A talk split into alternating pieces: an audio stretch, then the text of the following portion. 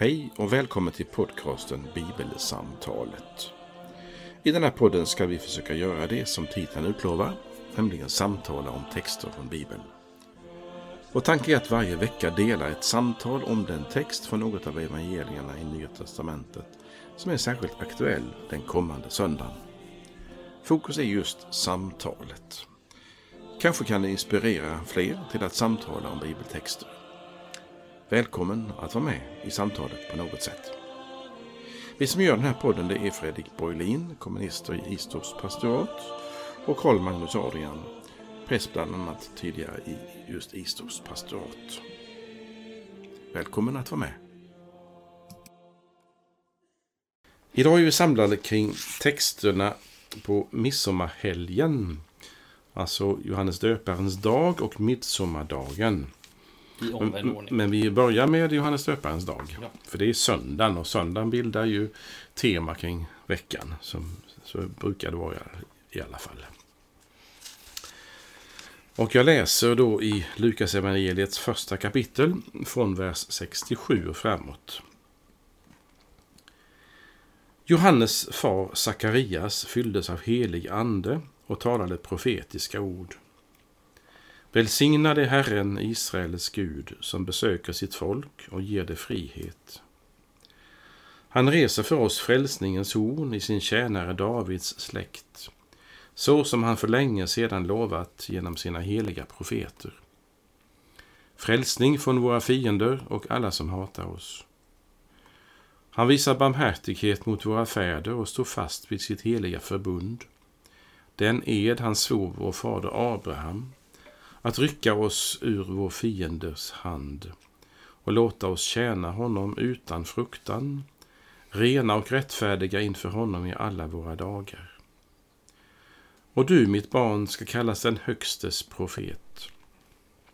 Ty du ska gå före Herren och bana väg för honom. Så ska hans folk få veta att frälsningen är här med förlåtelse för deras synder genom vår Guds barmhärtighet och mildhet. Han ska komma ner till oss från höjden, en soluppgång för dem som är i mörkret och i dödsskuggans dal, och styra våra fötter in på fredens väg. Och pojken växte och blev stark i anden. Han vistades i öde trakter till den dag då han skulle träda fram inför Israel. Så lyder det heliga evangeliet. Lovad vare du, Kristus. Eh, några inledningstankar kring den här texten först. Eh, vi, har, vi befinner oss mitt i kalenderåret. Nästan i alla fall. Mm. Eh, Johannes döparen är sex månader äldre än Jesus. Elisabet är mor till honom. Far heter Sakarias. Och vi har mött Johannes döparen tidigare under kyrkoåret. Först i adventstiden och sen lite senare också kom han in i bilden på ett tillfälle.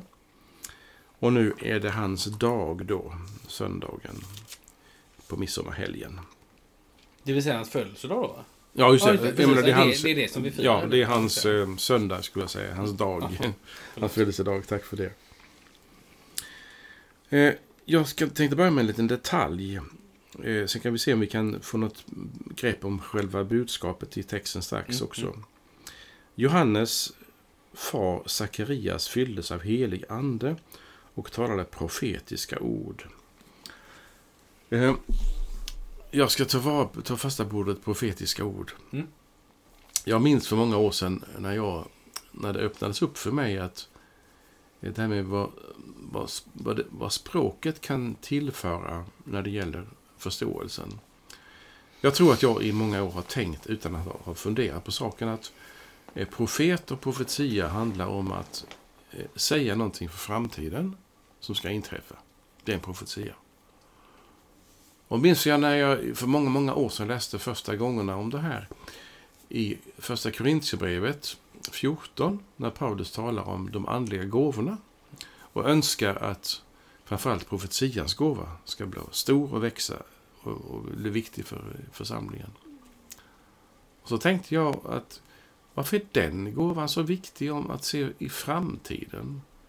Så gick mina tankar till Uppenbarelseboken som är framtidsvisioner och så. Mm. Och så hände det, och det här är mycket enkelt, att när man då läser vad ordet betyder från hebreiskan så är det samma alltså grundord som ordet, som ordet ord, Mm. Alltså ORD.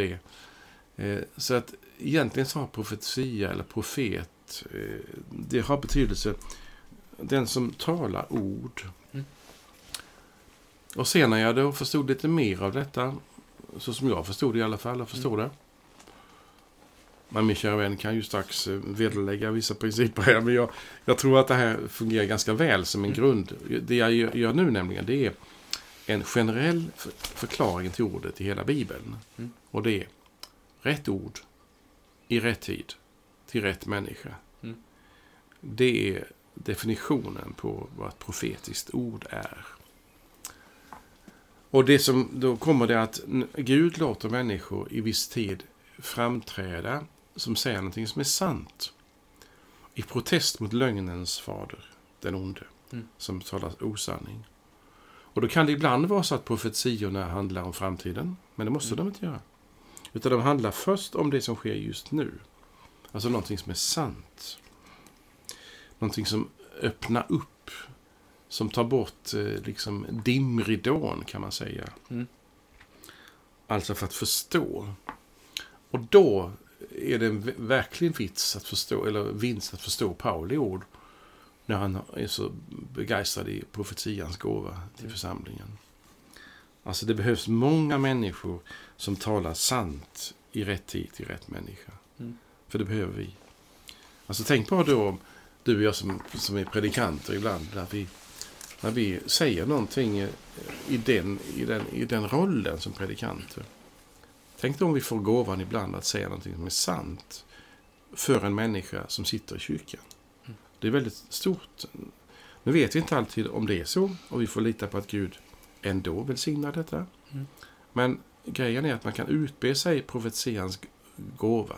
Och det menar jag att alla kan göra. Mm. Så att det vi säger om Gud, om verkligheten, det som vi kommer strax i vår text här, Mm.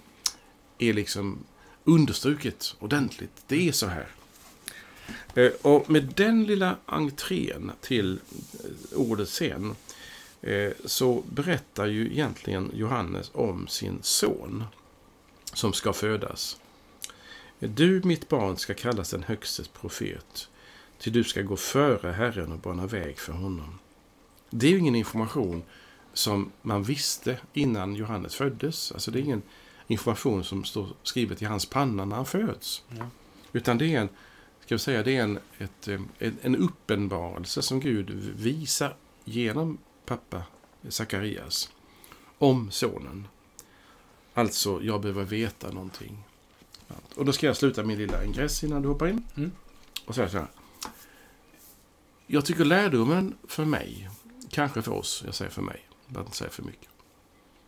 Det är att få hjälp att se vad är det som händer i det som händer. Mm. Alltså, vi är med om saker och ting dagligen. Alla möjliga små händelser. Och vi förstår inte liksom, skeendet. Varför händer det och det och det? Och då menar jag att mycket av det får vi inte förklarat. Vi, får inte, vi kan inte få facit här på jorden till allt som händer. Men, tänk om jag får så mycket så att jag liksom får frimodigt att, att ana att aha, det här vill Gud, det här, här är Gud, det här vill Gud ha sagt eller gjort. Och därför tror jag att det är väldigt, väldigt väsentligt med att eh, det profetiska ordet får finnas ibland oss. Och i det här fallet handlar det ju om, som, som jag säger igen, att pappa Sakarias fick säga ett sant ord om sin son i en viss tid. Det var min ingress, kära pastor. Ja, vad härligt. Lät som att jag inte alls tyckte det, men det gör jag. Eh, jag har inte hört den här definitionen innan. Men jag är mycket glad att jag fick höra det. Eh, Och jag tycker att he- eh, din, din eh, tes, eller vad vi ska kalla det, den, den bekräftas ju av detta. Alltså, vi kan möta texten idag. Och så säger jag så här, den här texten talar om dåtid, nutid och framtid. Så tänker jag på de här. Det De gör här- det. Ja, ja. Eh, alltså det vill säga välsigna det Herren Israels Gud som besöker sitt folk. Det är, det är liksom det, det är vad som händer. Det är på ett sätt vad som händer nu. Eh, han reser för oss frälsningens horn. Ja, Jesus har inte fötts än, men är han och för sig utkorad av evighet. Eh, och han är, lever i Marias moderliv. Har redan blivit människa. Så som han för länge sedan lovat. Genom, alltså, här finns alla tidsdimensioner med. Eh,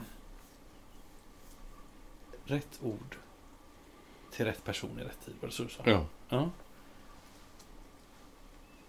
Ja, fint. Alla tre tidsdimensioner finns med här. Ja, för det som jag citerade i mitten, och du mitt barn ska kallas en högsta profet, det är ju någonting som eh, visserligen Mm. finns, eh, ska vi se här nu, är, är Johannes född? Ja, det är eh, Han har fötts. han ja, just. Han Ja, har fått sitt namn också. Han har, ja, ja, ja. Hallå också igen. Mm. Så är det. Och, och nu, nu liksom står han där och håller sitt barn ungefär. Och du är mitt barn. precis. Just det. Mm. Nu, ska jag berätta om eh, hur det är här. Mm. Alltså vad är det som... Ni ser en, en, en nyfödd pojke och nu ska jag säga till er. Haha, det är lite mer än bara vem som helst. Och så kommer Sakarias Mm. eh, liksom ord som Gud har gett Mm. honom. Det här är den högstes profet som Mm. ligger där. Oj. Och det, det får mig att tänka på eh, på en sak. Alltså om vi tänker så här, rätt ord till rätt person i rätt tid. Eh, det handlar om dåtid, nutid och framtid. Och sen så en annan sak som jag tycker händer i den här texten. Det är att en människas, om man får säga så, öde tycker jag är fel ord, men en människas livsuppgift och kallelse, det var ju förra söndagen, kallelsen till Guds rike. En människas kallelse innesluts i Guds frälsningsplan. På ett väldigt fint sätt i den här texten. Mm. Jag vill bara lägga ut lite om vad jag tänker. Gör det. Ehm,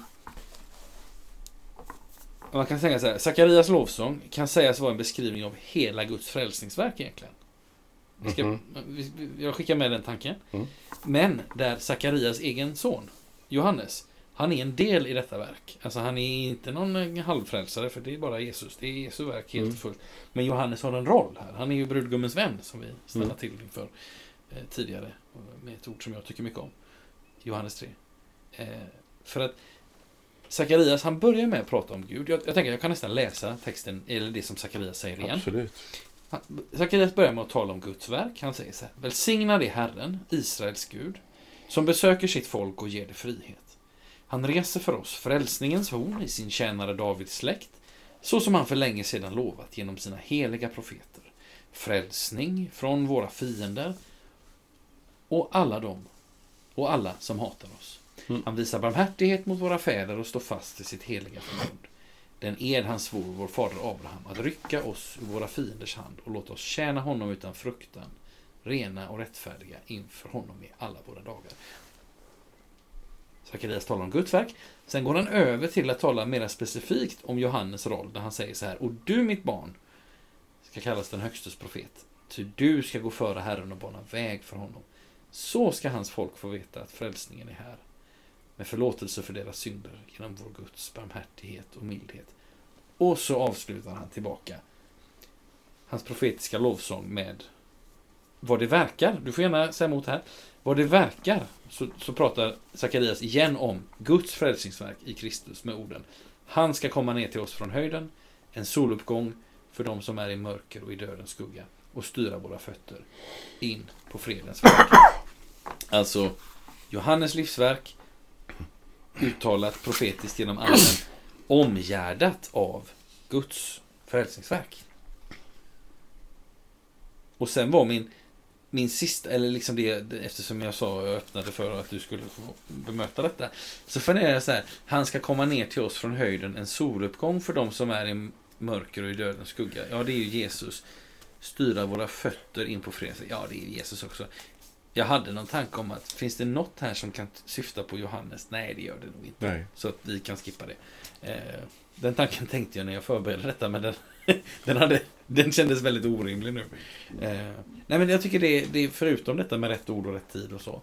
Eh, och, och de olika tidsangivelserna så också så här, ja men det är Johannes verk, men det är fortfarande inlämnat i det är inte bara en lång lovsång till vem Johannes ska vara, utan det är framförallt en lovsång till Gud. Ja. Där Johannes nämns särskilt. Precis. Jag tycker det var fint att Ja, ja. tänka på det. Jag kan gå baklänges in i detta. Gärna. Det vi läser på juldagen Mm. från Jesaja 9. Mm. Ty ett barn har fötts, en son är oss given. Väldet är lagt på hans axlar och detta är hans namn. Allvis härskare, gudomlig hjälte, evig fader, fridsfurste. Och så vidare. Alltså, när barnet Jesus föds och profeteras om från Jesaja eh, så är det ju så att han ska bära eh, han, han, han, alltså han den allsmäktige guden på något vis tar gestalt genom Kristus.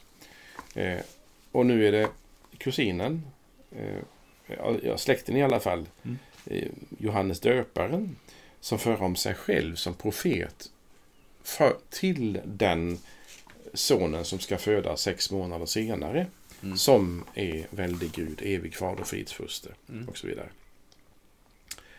Så det är en väldig connection mellan eh, förarbetet, Johannes förarbete, och frälsningens eller poängen. Mm. Och det vet vi från andra texter med Johannes att, att Johannes är väldigt mån om att tydliggöra att han är han är liksom en, en förberedelse. Han är inte ens värd att, att snöra upp sandalerna på skorna på Jesus. Han vet sin roll, men han är frimodig i den rollen. Och Jesus bejakar den rollen som Johannes spelar. Mm. Ja, allt handlar om att göra det möjligt för frälsningen till människan. Mm. Och därför så är det bra tycker jag när du slutar med den. Du läste ju nästan hela texten igen. Mm. Det gör du ingenting. Mm. Eh, Så ska hans folk få veta att frälsningen är här. Mm. Det är ju en underbar mening. Mm. Alltså hur ska folk få veta detta? Jo, det är genom Johannes döparen. Och, men hans budskap är rätt så kraftfullt och väldigt, det är inte Mm. Ja. speciellt njutbart, eller hur? Nej. Han talar ju om allvaret i omvändelsen. Lägg av nu med det här. Lägg av med era synder. Lägg av med falskspelet. Lägg av med hyckleriet. Mm. För att förberedas inför frälsningen. Och det är så bra att veta också för oss i vår andliga vägledning att, att när Gud ibland liksom ru- ruskar om oss ordentligt och skrapar bort och plockar bort saker och ting av den falska säkerheten så är det för att göra frälsningen möjlig. Att, att vi kan se den tydligt. Och där är, det, där är Johannes döparen igen. Vi ska inte ta texten från advent, men vi ska ändå ta fram själva temat, tycker Mm. jag. Och det är att det behövs förberedelsearbete för att kunna tillgodogöra sig frälsningens härlighet Mm. och underbar och och skönhet. Och då är det här att genom Johannes döparen så ska folk få veta vad frälsningen är, att den är här.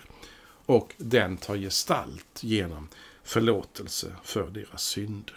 Mm. Genom att Gud är barmhärtig och mild. Mm. Det är en underbar sammanfattning ju.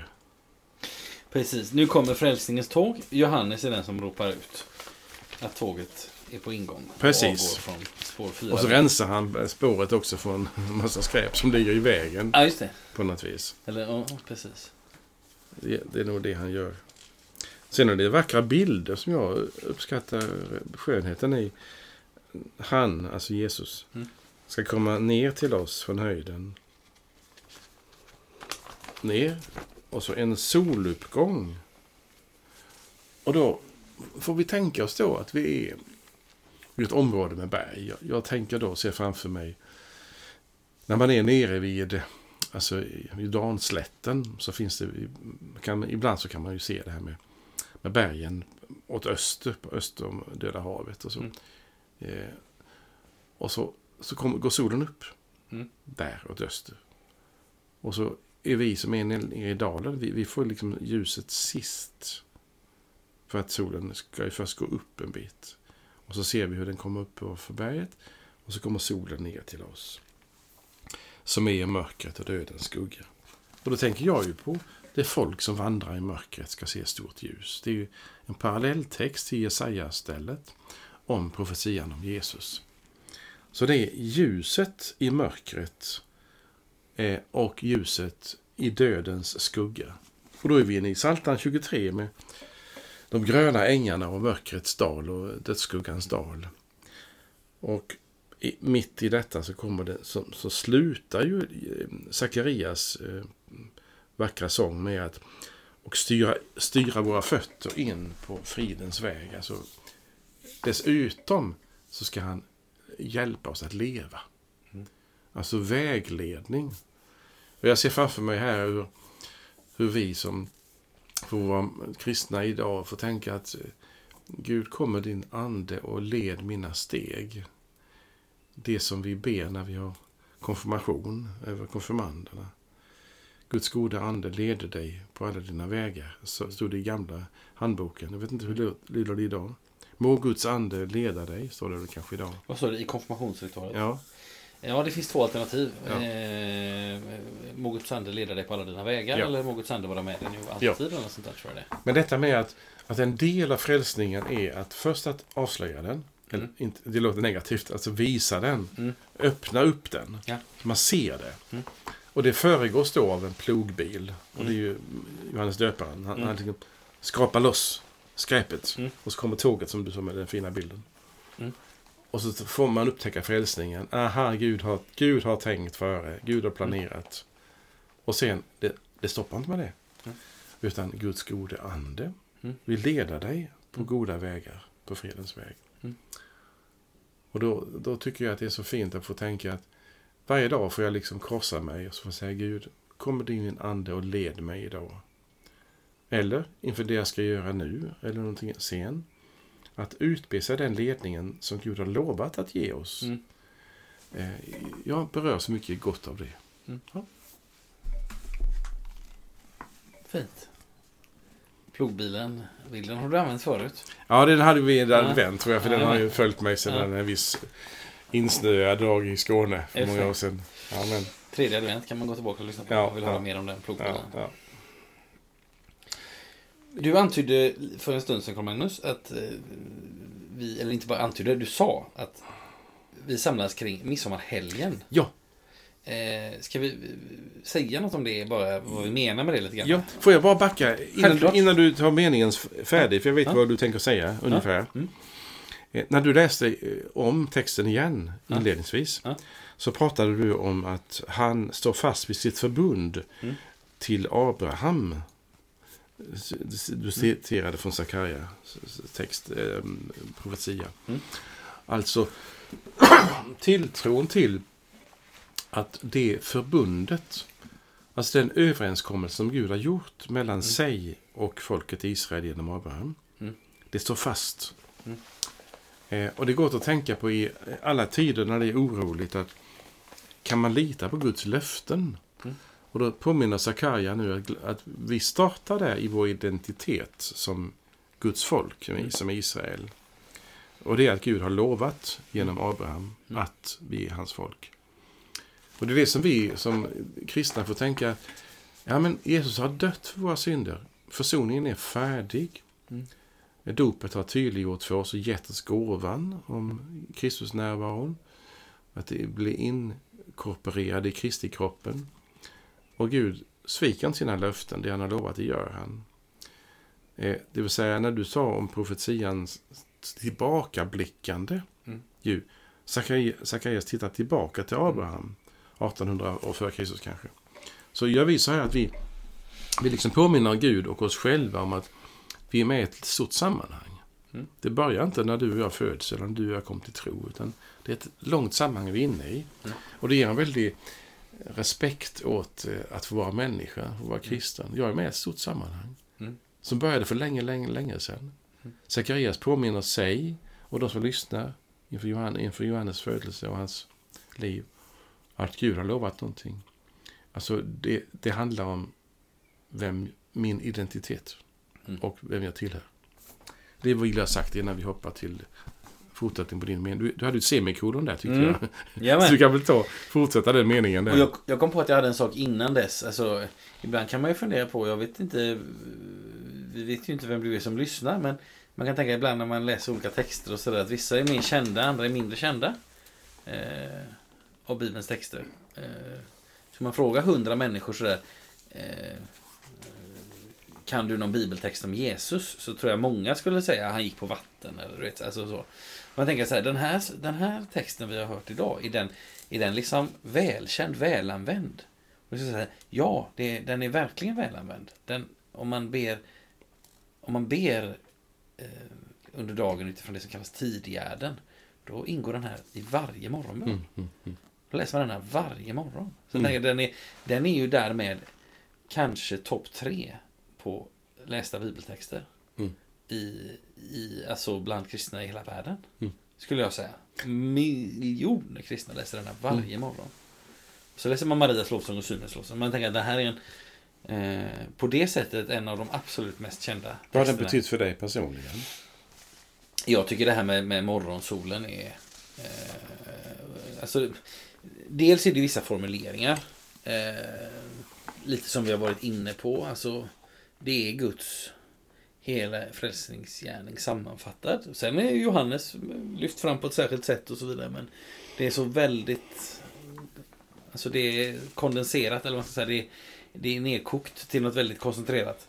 Eh, och få börja varje dag med liksom Guds barmhärtighet och mildhet. Han ska komma ner till oss. Alltså det talas, precis som vi läser i trosbekännelsen. Där talar vi om vad Jesus har gjort, vad Gud har gjort för oss. Här är det också ett väldigt fokus på vad, vad har Gud gjort för mig? Ja, men han, eh, han besöker sitt folk, han ger det frihet, han reser frälsningens horn och så vidare. Alltså det... Eh, ja. Om det var ett svar, jag vet inte. Ja, ja. Och sen, sen, nu går jag tillbaka till andra sidan semikolon. För Carl Magnusson sa så här i början av avsnittet att det är midsommarhelgen. Mm. Och det är lite speciellt nu, den, nu har vi tagit sikte på söndag. Dagen efter midsommardagen, två dagar efter midsommarafton. Johannes döparens dag. Men, men det kommer faktiskt en kyrklig dag emellan, alltså lördagen. Midsommardagen är ju också en dag i kyrkans kalender. Och vi tänkte vi skulle, och då är temat skapelsen. Det är något egentligen helt annat. Det är verkligen två, två saker som inte hör ihop lördag och söndag.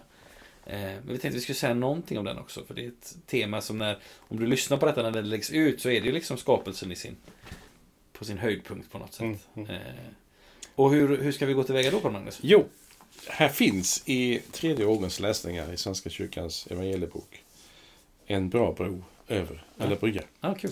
Jag ska, tänkte jag skulle läsa från Jesaja 42. Mm. Som är den gammaltestamentliga läsningen för Mm. söndagen, alltså Johannes döparens dag. Mm. Mm. Först står det så här, Herren säger. Jag har skapat himlen, spänt upp den, brett ut jorden, gett liv åt människorna, livsande åt de som vandrar på jorden. Det är alltså, se på skapelsen och se på skaparen. Mm. Notera, det vill säga öva upp sinnligheten på vanlig svenska. Se, lukta, känn, upplev. Och du rör dig hela tiden i Guds trädgård. Du kommer inte ut ur den. Du är hela tiden där. Allt som omger dig är Guds gåva till dig. Och så kommer det ett kolon här i, Mm. i vår översättning, i, vår bibel i alla fall. Jag, Herren, har i min trohet kallat dig. Jag tar dig vid handen och skyddar dig. Alltså, nu handlar ju detta en profetia om Johannes döparen, tror vi. Mm. Men vi kan också tänka så här. Du och jag personligen, och nu ser jag mig framför mig och du kan se dig framför dig. Så går vi då i det som jag kallar för trädgård i överförd bemärkelse. Det vill säga Guds skapelse. Och då ska du titta på himmelen. Du ska kolla på allt vad Gud har skapat. Allt som finns. Allt liv som rör sig. Från gräs och maskar till det härligaste och vackraste. Och så ska du tänka, så stor är Gud. Och så omedelbart efter tänker du, i trohet har han kallat mig. Mm. Det är fint. Alltså, skapelsen är liksom en sorts referensram till att tro på den personliga kallelsen från Gud till mig. Mm. Och inte det där misstaget som man lätt kan göra. Det är att, ja, tillvaron är ju dels materiell och dels andlig. Mm. Då gäller det att få en koppling mellan det andliga och det materiella och det är väldigt svårt. Svar, det är det inte alls. Det är hur lätt som helst. För allt talar samma språk, det vill säga skapelsen, allt vad Gud har skapat. Det som vi på det sinnliga planet kan ta till oss, till oss eh, talar ordlöst, som Psaltaren 19 eh, talar om, eh, om det som Gud har gjort och gett och gör. Hela tiden fortsätter han med det. Och när du ser det så ska du ha det som en referensram till den personliga, den privata tron på en Gud som är trogen mot dig, trofast mot dig. Eh, Den bron är så väl. Och in, får jag säga en sak till innan du hoppar in? Kör på. Vet du, nu ska jag, kära lyssnare, testa min vän här vid. Eh, Vill du eh, förklara för mig hur eh, Luther utlägger första trosartikeln om skapelsen? Hur börjar den? Oh. Nu ska jag inte, jag ska inte ge dig chansen varken att misslyckas eller lyckas. För att inte vara dum nu. Eller eh, ge dig många poäng. Jag tror att Gud har skapat mig och gett mig ögon, öron, förnuft och alla sinnen. Ungefär så börjar Luther. Alltså när Luther ska utlägga skapelsen så säger han Jag tror att Gud har skapat mig. Det betyder inte jag tror på skapelsen kontra evolutionen. Nej, nej. Jag tror att Gud har skapat mig och gett mig ögon, öron, näsa, mun, sinnen. Alltså Gud har gett mig allt detta. Det är den tro jag har på skaparen. Det vill säga skapelsen, det materiella och det andliga är så förbundet, även om det andliga ger en dimension åt det skapade som är unik och fantastisk, som vi har som ett privilegium. Så är liksom allt skapat. Det är trädgården, det är miljön, det är kontexten, det är sammanhanget Mm. i vilken vi lever och i vilken Gud uppenbarar sig och Mm. ger oss vad vi behöver. Och därför finns det en koppling, tycker jag, mellan skapelsen och i Jesaja-texten ordet, om det nu är om Johannes döpande handlar. Det vill säga, jag har utvalt dig och ingått förbund med mitt folk genom dig. Eh, Du ska öppna blindas ögon. Det kan handla om Jesus, tror jag. befriad av fångna ur fängelset. Men också någonting som handlar om Johannes döparens eh, ska vi säga, förspel inför Jesus. Och då handlar hela detta förspelet och frälsningens sak om att när Jesaja tar bilder för att förstå det här så använder han bilder från skapelsen. Och därför menar jag, vi kan inte nog lyfta upp skapelsen i våra sammanhang och vår, vår tro på Gud. För, för ringaktar vi skapelsen så kan vi inte se vilket budskap skapelsen ger oss om den Gud vi tror på. Det var min bro över. Har du någon bro över? Från söndag till lördag, alltså från Johannes döparens dag till midsommardagen om skapelsen. Jag kan försöka att slå en bro. Eh, skapelsen... Ett sätt att närma sig skapelsen är ju precis det här som du säger. Eh, titta ut genom fönstret eller titta dig omkring eller sådär och så låt det inte stanna där utan se då. Eh, fundera då över eller lev öppen för. Det finns en skapare. Eh, som också är min högst personliga skapare. Och det är det ena. Det andra är skapelsen, alltså det ursprungliga. Eh, Gud har skapat allting och har också skapat allting med en intention. Sen har vi, vi människor eh, trampat i klaveret i, i en forntid. Eh, men det finns en, liksom, det finns en, det finns en god grundtanke med allt sammans. Eh, och den, den tanken, eller liksom det här med, med att det finns en god grundtanke, upplever jag att Johannes i sin, i sin roll liksom hakar i. Han är, för han är liksom, hans budskap är omvändelse. Omvänd er, alltså se tillbaka, alltså på något sätt, visst, vänd er åter till Gud. Men också det här, det ursprungliga, det som Gud har tänkt. Alltså att det, där, ser jag, där ser jag en koppling. Nu är jag nog rätt så vag, upplever jag. Men alltså det här att midsommardagen handlar också om ursprunget. Eh, Johannes döparens dag handlar om att vi ska vända oss om och fundera på just det. Det finns ett ursprung här. Eh, och nu, nu blev det som det blev och därför måste Gud bli människa och lida och dö för vår skull. Och, och allt detta vill jag berätta mer om när jag ropar ut att frälsningens tåg nu kommer in på spår 4. Eh, är detta en bro eller?